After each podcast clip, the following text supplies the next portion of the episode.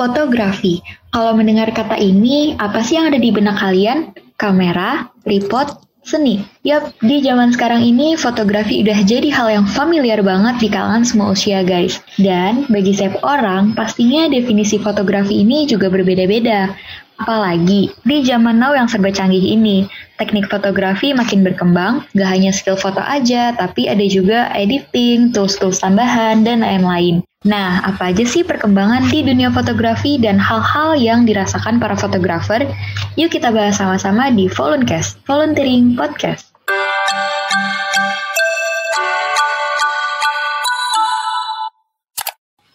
Di mana pun kalian mendengarkan podcast ini, gue pengen bilang selamat datang di episode ke-9 Voluncast, Volunteering Podcast bersama aku Firsya. Dan di podcast kali ini, kayak yang udah aku bilang, kita bakal bahas perkembangan di dunia fotografi dan hal-hal yang dirasakan para fotografer. Hari ini aku nggak sendirian, aku ditemanin sama Kak Eko, salah satu admin di Lensa Nusantara. Halo Kak Eko. Halo. Iya, apa kabar Kak Eko? Alhamdulillah baik. Semoga semuanya baik-baik semua. Amin. Makasih ya Kak udah mau bersedia nih ngobrol bareng IDV di Voluncast hari ini.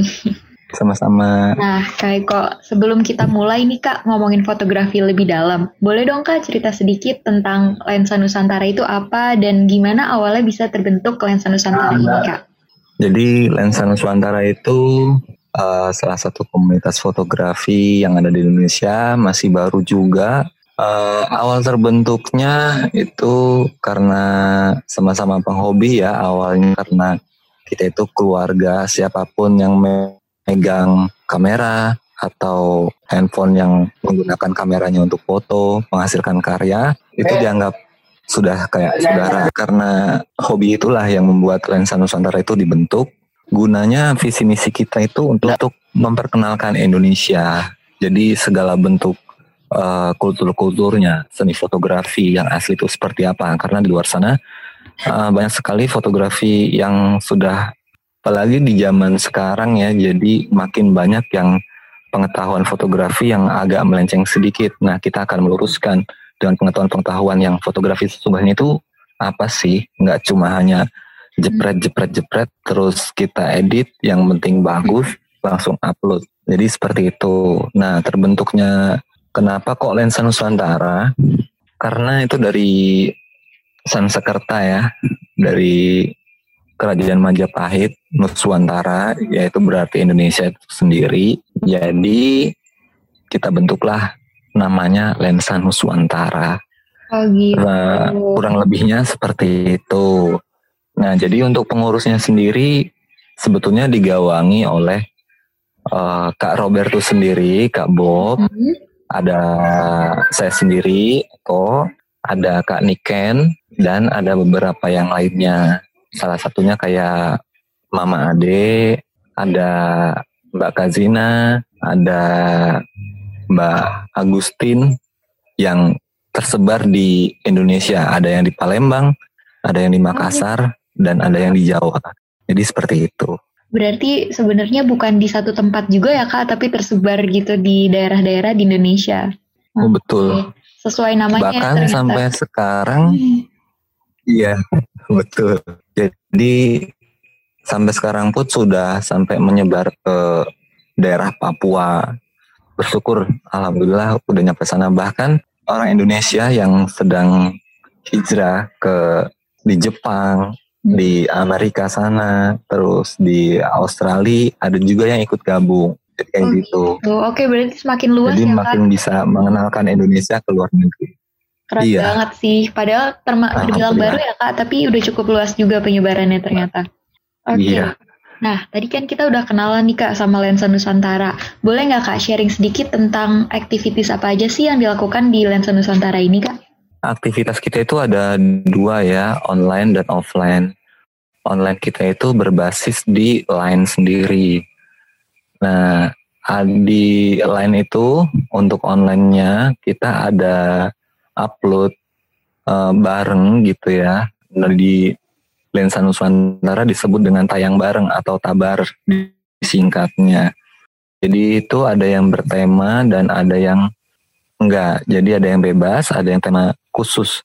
Jadi untuk pembelajaran sebetulnya ini apa sih? Ini tuh apa kayak gitu untuk menggolongkan untuk pembelajaran juga.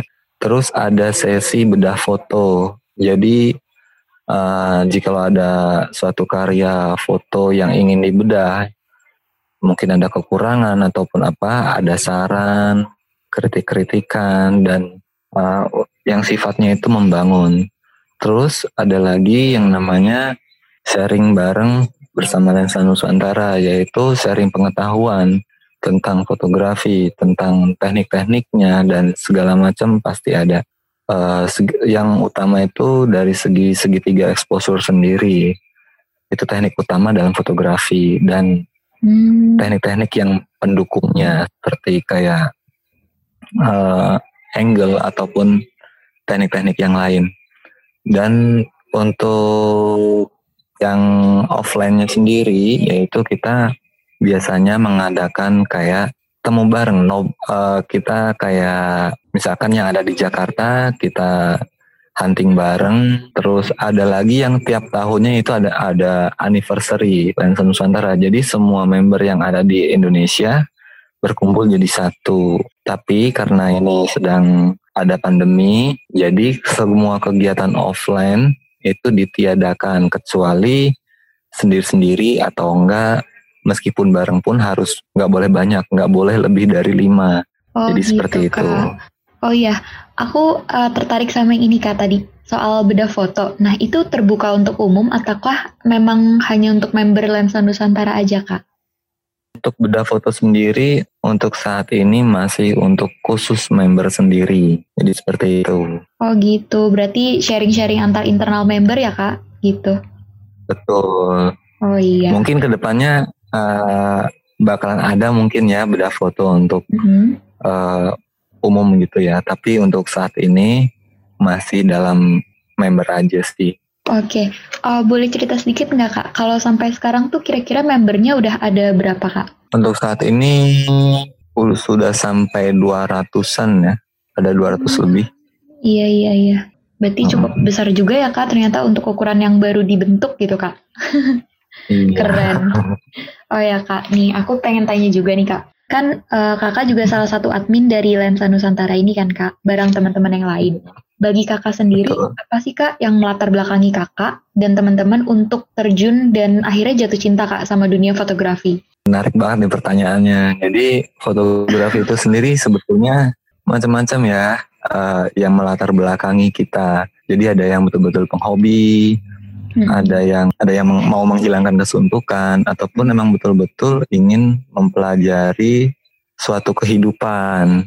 Jadi fotografi itu sendiri mengajarkan kita itu untuk yang namanya bertanggung jawab asli atau enggaknya. Terus fotografi itu bagi saya pribadi betul-betul kita nggak cuma melihat sekeliling kita, tapi kita juga bisa bersosial, kita nggak bisa namanya meninggikan meninggikan diri. Jadi kita harus mawas diri. Bahwasanya di luar sana masih banyak yang ada di bawah kita, yang kita harus bantu, yang harus kita tolong dan menikmati keindahan alam mungkin ya yang bagi pencinta landscape. Ada hmm. juga yang menginginkan pembelajaran fotografi karena mereka ingin uh, bisnis biasanya seperti itu kebanyakan seperti itu Oke, deep banget ya kak ternyata maknanya ya. Selain cuman foto-foto, yeah. ternyata kita juga emang menikmati alam, terus bersosialisasi. Aku tadi pas denger kayak, wah oh, ternyata maknanya tuh dalam banget buat para fotografer ya kak. Ternyata. Oh banget. Uh -uh. Aku cuman selama ini taunya di foto doang gitu kak, nggak pernah ngerasain foto-foto kayak gimana. Nah kak, aku mau sedikit ngajak kakak flashback nih kak. Dulu di awal-awal yeah. pertama kali nih kakak masuk dunia fotografi, itu kakak pernah ngerasain gak sih kak struggle kayak misalnya gak pede nih kak atas hasil jepretan kakak gitu? Pasti, pasti. Pasti semua fotografer ada mengalami hal seperti itu. Uh, untuk ngalamin kayak gitu dulu waktu pertama kali karena saya sendiri pribadi dulu masih menggunakan kamera ponsel Mm-hmm. Tapi uh, teman-teman seperjuangan dulu itu ada yang menasehati saya bahwasanya man behind the gun. Jadi sebetulnya yang menciptakan karya itu adalah manusia itu sendiri, bukan alatnya. Alat hmm, iya, cuma iya. pendukung aja. Jadi dari situ saya sendiri mau mempelajari apa sih uh, di balik semua foto-foto ini. Terus udah kayak gitu mempelajari semua tekniknya. Bagaimana sebuah foto yang tadinya biasa aja, tapi di mata orang lain itu menjadi yang luar biasa. Contohnya seperti itu. Oke, berarti uh, sebenarnya untuk orang-orang yang mau terjun ke dunia fotografi, nggak punya kamera tuh bukan alasan ya kak? Karena dari HP bukan aja alasan. kita bisa belajar gitu. Contohnya kayak kota Bener banget. Mm-mm, Bener banget. Jadi, ya, oh iya.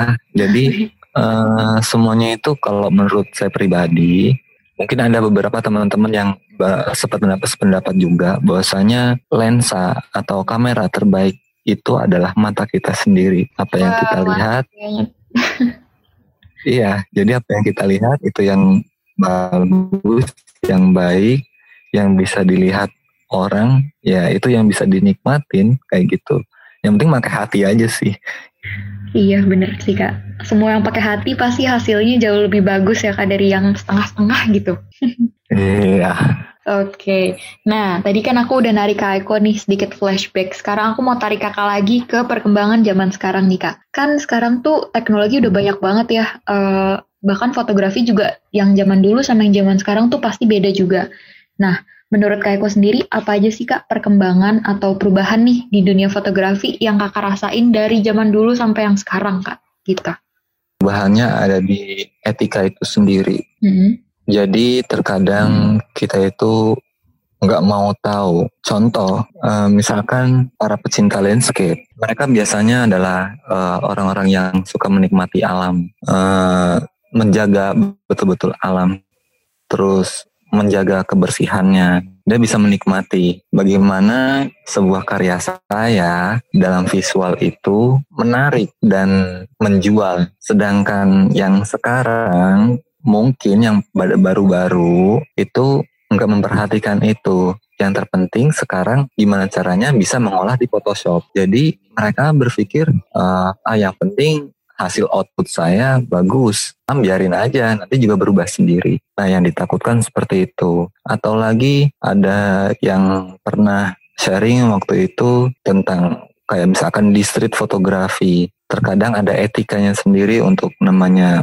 mem memfoto orang atau foto publik karena nggak semua orang suka difoto dan nggak suka disebarluaskan di publik makanya kita ada ada etikanya pertama ya mungkin kita itu harus bersosialisasi dulu pendekatan. Lalu nanti lama kelamaan karena udah kenal dia sudah akrab dengan kamera kita bisa meminta dia untuk difoto secara diam-diam, melakukan apa yang dia lakukan, interest dia. Jadi kita bisa foto kesehariannya dia tuh seperti apa. Karena untuk pembelajaran untuk kalayak lain bahwasanya inilah di sini ada kejadian seperti ini. Jadi bisa untuk membuka ke masyarakat bahwasanya Jakarta itu nggak cuma gedung-gedung aja, tapi ada sisi lain di Jakarta. Begitupun juga di Bali, di Jawa Timur, Jawa Tengah, dan semua di Indonesia. Saya rasa sih seperti itu. Tapi ada juga yang membedakan itu dari dulu zaman dari zaman dulu sampai sekarang adalah dari alatnya sendiri. Karena alat sekarang kan udah canggih-canggih ya. Betul kak. Jadi kita foto pun itu udah enak banget gitu. Kita udah dimanjakan banget sama dengan alat gitu. Sedangkan dulu kita masih pakai film, uh, kita harus pakai feeling. Kita juga nggak mau film itu terbakar. Mungkin kata bapak kita dulu, wah jangan sembarangan foto, nanti kebakar semua. Nah, oh bisa gitu? Ya? Itu ya? dulu saya pernah Waduh. Iya, karena saya dulu pernah di pernah pernah dibilang sama bapak saya sendiri seperti itu dan ternyata emang benar terkadang memang klise itu bisa terbakar sedangkan sekarang untuk namanya foto gagal itu nggak ada. Jadi semua apa yang dijepret udah jadi. Sedangkan dulu harus dicuci dulu, gapret dulu, baru bisa kita lihat fotonya. Sedangkan sekarang kita lihat viewfinder, di layar LCD kita udah tahu apa yang akan jadi karyanya. Sedangkan dulu enggak. Apa yang kita lihat yang ada di jendela bidik ya itulah yang kita tahu. Untuk terang gelapnya kita nggak tahu. Sedangkan sekarang bisa. Jadi kelebihan-kelebihan itulah yang sekarang itu dipermudah. Jadi seperti itu. Apalagi sekarang sudah ada namanya sistem Photoshop, terus editing yang lain juga itu sangat-sangat membantu banget. Jadi seperti itu. Oh iya, benar sih kak kalau soal tools ya. Mungkin kalau dulu mau foto di tempat gelap agak susah gitu ya kak, karena mungkin nggak bisa ngatur ISO dan semacamnya. Sekarang udah tinggal diatur oh, aja. Oke, nah uh, tadi kan kakak juga sempat mention nih kak perubahannya itu salah satunya di bidang aplikasi editing kayak Photoshop, Lightroom dan lain-lain. Nah dengan adanya aplikasi ini, uh, gimana sih cara kakak dan teman-teman menyesuaikan adanya teknologi editing seperti ini kak? Kita belajar aja sih ya, belajar tentang balik lagi uh, kita itu uh, untuk foto sendiri sebisa mungkin seminimal mungkin editing. Jadi mungkin sebagian orang uh, di profesinya masing-masing ada yang membutuhkan Photoshop untuk memperindah sebuah karya foto, tapi juga ada yang betul-betul uh, kita harus susun betul-betul dari cahaya, warna, terus uh, aplikasi-aplikasi yang nggak ada di editing itu sendiri. Sampai sebuah karya itu betul-betul bagus. Dan itu pun kalau misalkan di tahap editing itu cuma sekedar uh, merubah sedikit aja. Kayak misalkan terang gelapnya kontrasnya atau cropping sedikit. Nah, jadi itu yang uh, perlu diperdalam lagi untuk skill fotografi kita. Sedangkan untuk uh, kayak orang yang nggak mau ribet atau memang betul-betul uh, keterbatasan waktu ataupun keterbatasan dana kita untuk menyewa lain-lain bisa jadi Photoshop adalah jalannya. Jadi seperti itu. Hmm, berarti balik lagi ke emang intentionnya ya kak. Semisal dia memang berorientasi pada Betul. hasil, mungkin dia lebih menggunakan Photoshop. Tapi kalau dia orientasinya pada feeling, apa yang dia rasain pas memotret kayak gitu, mungkin dia lebih senang untuk uh, lebih sedikit menggunakan Photoshopnya ya kak. Betul, karena kalau misalkan di editing sendiri, kalau misalkan terlalu banyak editing, otomatis uh, resolusi visualnya itu akan menurun Sedangkan kalau editingnya itu minimalis, minimal, hasilnya itu pasti akan resolusinya tinggi. Jadi nggak ada banyak perubahan dan itu yang harus kita betul-betul pelajari banget gitu. Oke, nah kak, uh, tadi kan kita juga udah bahas nih kak, ada yang memang senang di depan Photoshop lama gitu mengedit sampai mungkin fotonya jadi perfect menurut dia. Nah, aku pengen tanya pendapat hmm. Kak Eko pribadi nih Kak. Menurut kakak, apakah editing yang spesifiknya teknik manipulasi ya kak, itu termasuk ke dalam fotografi atau enggak? Menurut kak Eko? Menurut saya pribadi sah-sah aja untuk melalui Photoshop untuk memanu memanipulasi foto tersebut selama foto itu e, menghasilkan karya yang ingin si fotografer itu sendiri ingin menyampaikan ke orang atau ke kayak umum. Jadi terkadang emang membutuhkan itu. Itu juga masuk dalam fotografi karena fotografi juga nggak lepas dari hal-hal yang kayak editing itu sendiri ya. Jadi menurut aku sah-sah aja, nggak ada larangan ataupun apa. Oke, berarti uh, karya yang memang dihasilkan dari Photoshop itu juga tetap bisa dibilang fotografi ya kak? Betul, yang penting itu adalah hasil kita sendiri, bukan ngambil dari Google. Betul banget.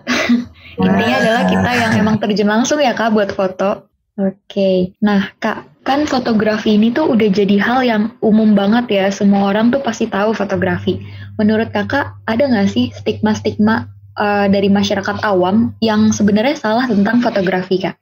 Um, ada sih Oke, boleh dikasih. Mungkin bagi masyarakat awam ada yang ada yang memandang fotografi itu para fotografernya itu sombong. Oh gitu, Pak.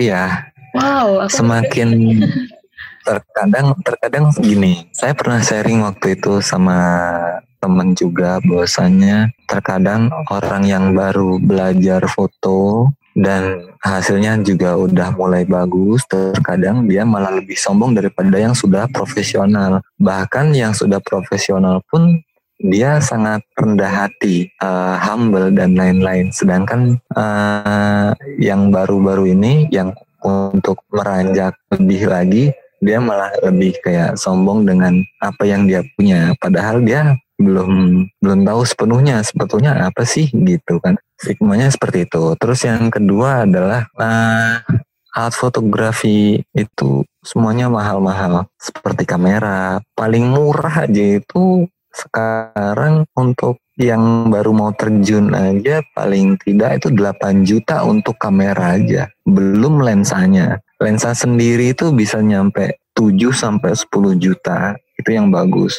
Bahkan nyampe ada yang harga ratusan juta. Terus untuk pendukungnya seperti kayak tripod flash dan lain-lain kita juga perlu perhitungkan. Makanya terkadang ada teman teman-teman saya sendiri yang uh, terjun ke kayak fotografi di wedding wedding fotografi itu banyak yang mengeluhkan bahwasanya mereka tidak dibayar dengan yang seharusnya. Jadi di bawah betul-betul di bawah standar atau bahkan pernah ada yang uh, cuma dibayar pakai nasi kotak doang. Tapi sisi positifnya yang pertama kita bisa mengetahui sebetulnya orang itu seperti apa. Jadi bisa belajar dari situ. Untuk sisi fotografernya sendiri ya, pengalaman adalah hal yang paling penting. Jadi mungkin yang pertama nasi kotak, tapi nanti semakin bagus karya visualnya mereka, gak menutup kemungkinan bisa bayarannya lebih mahal. Jadi seperti itu. Terus hikmahnya apa lagi ya?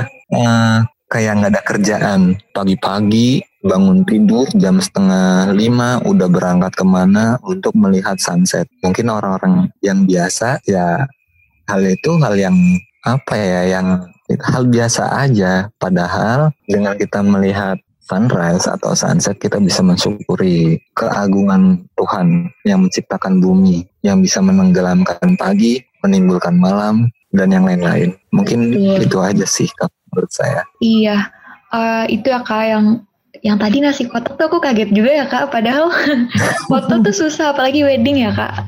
Itu kan banyak banget yang harus difoto gitu di wedding. Hmm. Hmm, bener banget sih kata kakak. Nanti semakin dia meningkat pasti harganya juga semakin naik ya kak karena ada kualitas ada iya. harga pastinya. Betul. Ya terus uh, bener sih kak yang kakak bilang tuh tadi berangkat pagi-pagi cuman buat lihat sunrise. Itu kadang kalau orang nggak ngerti feelnya itu mesti mikirnya aduh gabut banget jam segitu udah bangun dan keluar gitu ya kak. Padahal feelnya itu yang justru mahal ya kak. Benar jadi banyak banget hal yang dilalui. Kayak misalkan landscape pagi-pagi siapa tahu di sana ketemu dengan uh, mbok-mbok yang jual Indomie ataupun apa kita bisa ngebantu keuangan mereka dengan membeli ya kan? Jadi kita juga membantu orang lain untuk menghasilkan keuangan ataupun dengan uh, betul-betul menikmati mensyukuri bahwasanya saya sampai sekarang masih dikasih oksigen masih melihat sunrise masih dilihat keagungan yang diciptakan. Udah kayak gitu kita bisa men bisa mengabadikan ini loh keagungan yang diberikan ke kita yang harus kita syukuri sehari-hari. Jadi seperti itu. Oke, nah kak uh, ngomongin soal effort ya kak untuk ngambil foto, kakak pernah nggak uh, ngambil foto itu huntingnya paling lama berapa jam kak? Hunting Rekord paling lama. Iya. Rekor terlama itu satu harian pernah. Satu harian tuh kak depan kamera. Betul.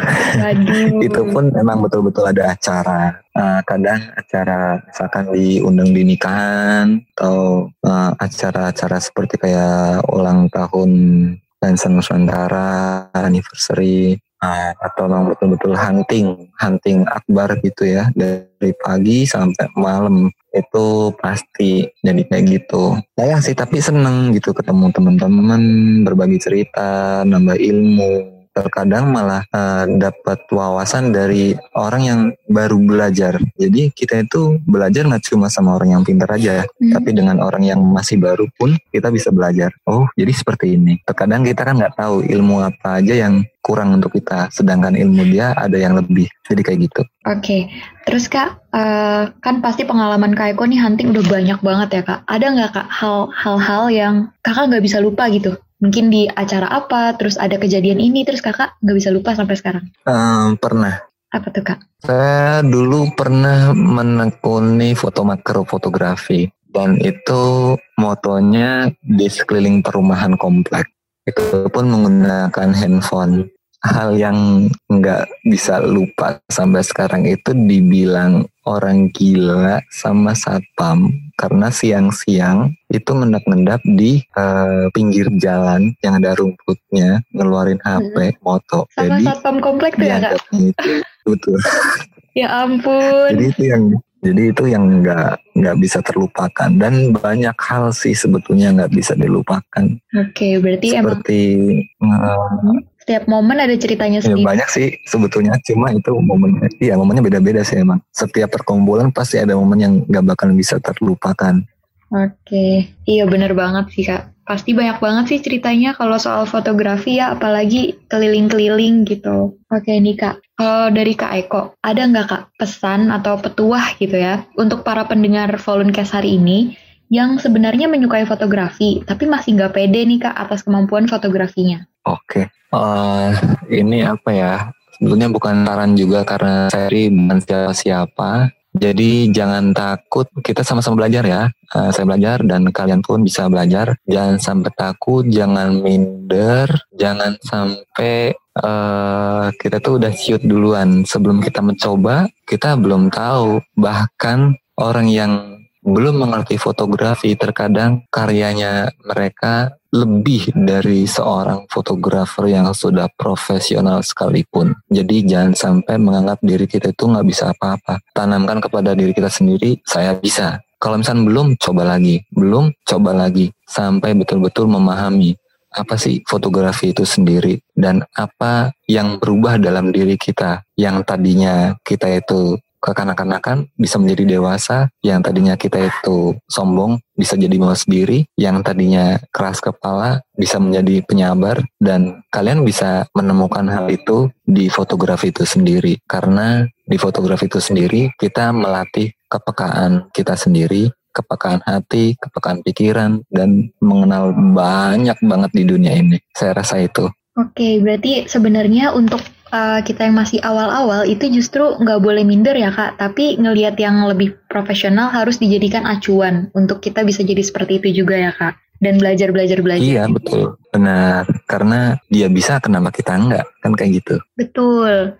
Oh ya kak, untuk teman-teman nih kak, mungkin yang ingin uh, reach out Lensa Nusantara atau mungkin ingin join gitu kak, itu gimana sih kak caranya? Untuk join Lensa Nusantara itu yang pertama dia harus aktif ya, aktif uh, untuk sesi online-nya. Terutama karena basic kita itu ada di aplikasi Line, jadi harus mempunyai Line dan Instagram untuk hasil foto karyanya. Nah, kalau misalnya untuk mau ikut, mungkin nanti bisa uh, pada saat pembukaan open recruitment Lensa Nusantara biasanya diadakan 3 sampai 6 bulan sekali. Pasti akan di-share di Instagram. Bahwasanya nanti ada pembukaan. Nah, kalian bisa ikuti persyaratan-persyaratannya yang jelas persyaratan utamanya itu usianya di atas 17 tahun, terus mempunyai kamera, entah itu kamera pocket, HP, DSLR, itu nggak masalah dan dia aktif di Line dan Instagram itu aja. Oke, berarti sebenarnya uh, nggak yang prosesnya nggak panjang ya kak, asal dia emang punya sesuatu untuk memotret, ada keinginan dan